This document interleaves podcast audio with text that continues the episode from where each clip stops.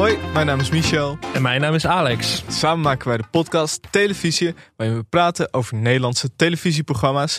Elke week geven jullie weer een paar tips, speciaal ook voor de mensen die niet zo vaak tv kijken. Dan weten ze ja, waar ze op moeten letten.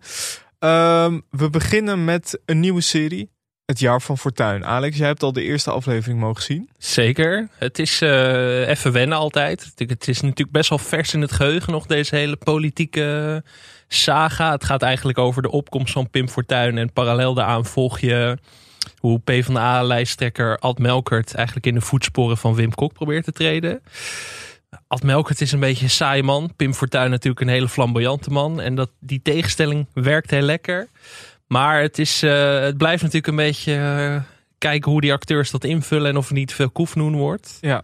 Maar ik vond dat ze er best wel mee wegkwamen. Kwam vooral door de acteurs, ook Jeroen Spitsbergen als Pim Fortuyn. Kaal, uiteraard. Was wat, was wat geweest als hij niet kaal was. Ja. Maar ik zag de trailer en hij leek er wel Hij leek er echt op. En dat geldt ook voor Ramsi Nasser. Natuurlijk een, uh, een mooie jongen. Maar Ad Melker toch een beetje een saaie, grijze ja, bureaucraat. Ad Melker was nu opeens een hele mooie jongen. Ja. nou, zal de, de make-up afdeling heeft echt, een, uh, echt goed zijn best gedaan.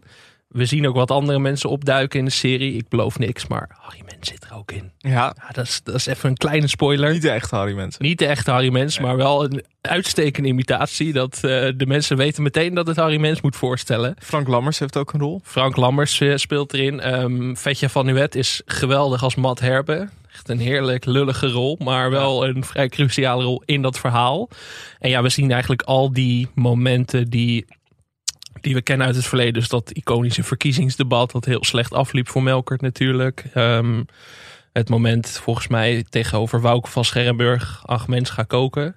Wouke van Scherrenburg zit er ook in, gespeeld okay. door Malou Gorter. Kijk. Dus dan weet je ook dat het goed zit. Mm -hmm. Dus aan de kast zal het niet liggen. Ik heb één aflevering gezien en ik was toch, het was een beetje wennen. Dat is altijd zo als het nagespeelde geschiedenis is. Maar ik, vond, nou, ik ga wel doorkijken in ieder geval. Oké, okay, ik uh, ben heel benieuwd. Het jaar van Fortuin is uh, vrijdagavond half tien op NPO 2. Uh, de tweede tip is ook een, een serie, geen fictie, um, genaamd Mijn Vader de Gelukzoeker.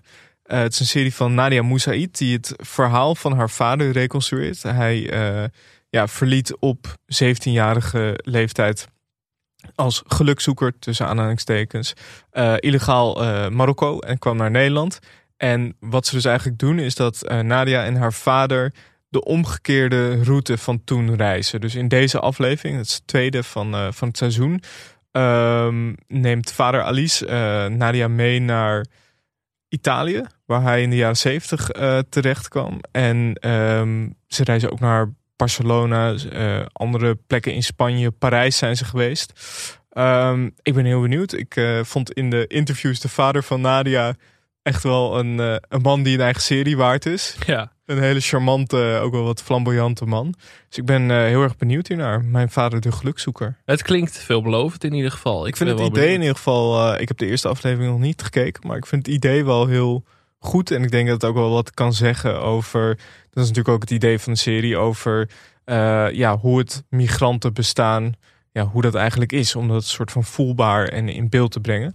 Dus, uh, ik ben heel benieuwd. Uh, zondagavond, tien voor half negen op NPO 2. Ons derde tip. Kijk, we hebben altijd. hoe je deze overgang gaat maken. we hebben altijd twee grotere tips, één kleinere tip. We zagen nu iets in de tv-gids staan waarvan we dachten: dit is eigenlijk het benoemen waard. Hoewel het elke week op tv is, om even te benadrukken. Ja, maar, maar als je, vooral voor de mensen met kinderen is deze. Nou, eigenlijk nou, voor iedereen. Ja, gewoon voor iedereen. Ook voor mensen van onze generatie. Zeker. RTL 4 heeft elke zaterdagochtend een Ernst Bobby en de rest marathon. Ja, dat, dat, daar word ik wel gelukkig van. Daar word ik ook heel nieuwsgierig van. Ik ben geen ochtendmens, maar ik denk nu toch van...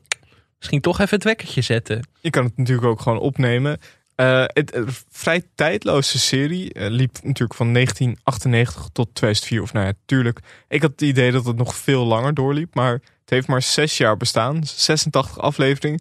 En het wordt dus nog steeds uitgezonden. Ja, en nog steeds dat er tienduizenden mensen kijken. Dus het is nog steeds ja. succes. En terecht ook. Ik bedoel, er zijn toch een paar jeugdseries. Bassie en Adriaan, Ernst en Bobby, dat blijven gewoon succesnummers. Ook al is het 20 jaar geleden, 30 jaar geleden, blijf gewoon scoren. Ja, er worden geen nieuwe afleveringen dus meer gemaakt. Wel vorig jaar nog een theatervoorstelling. Ernst en Bobby weet het niet meer. Gaat denk ik. crisis. Ja, coronaproblematiek, Ja. denk ik. Ehm, dus nou ja, ga er vooral naar kijken.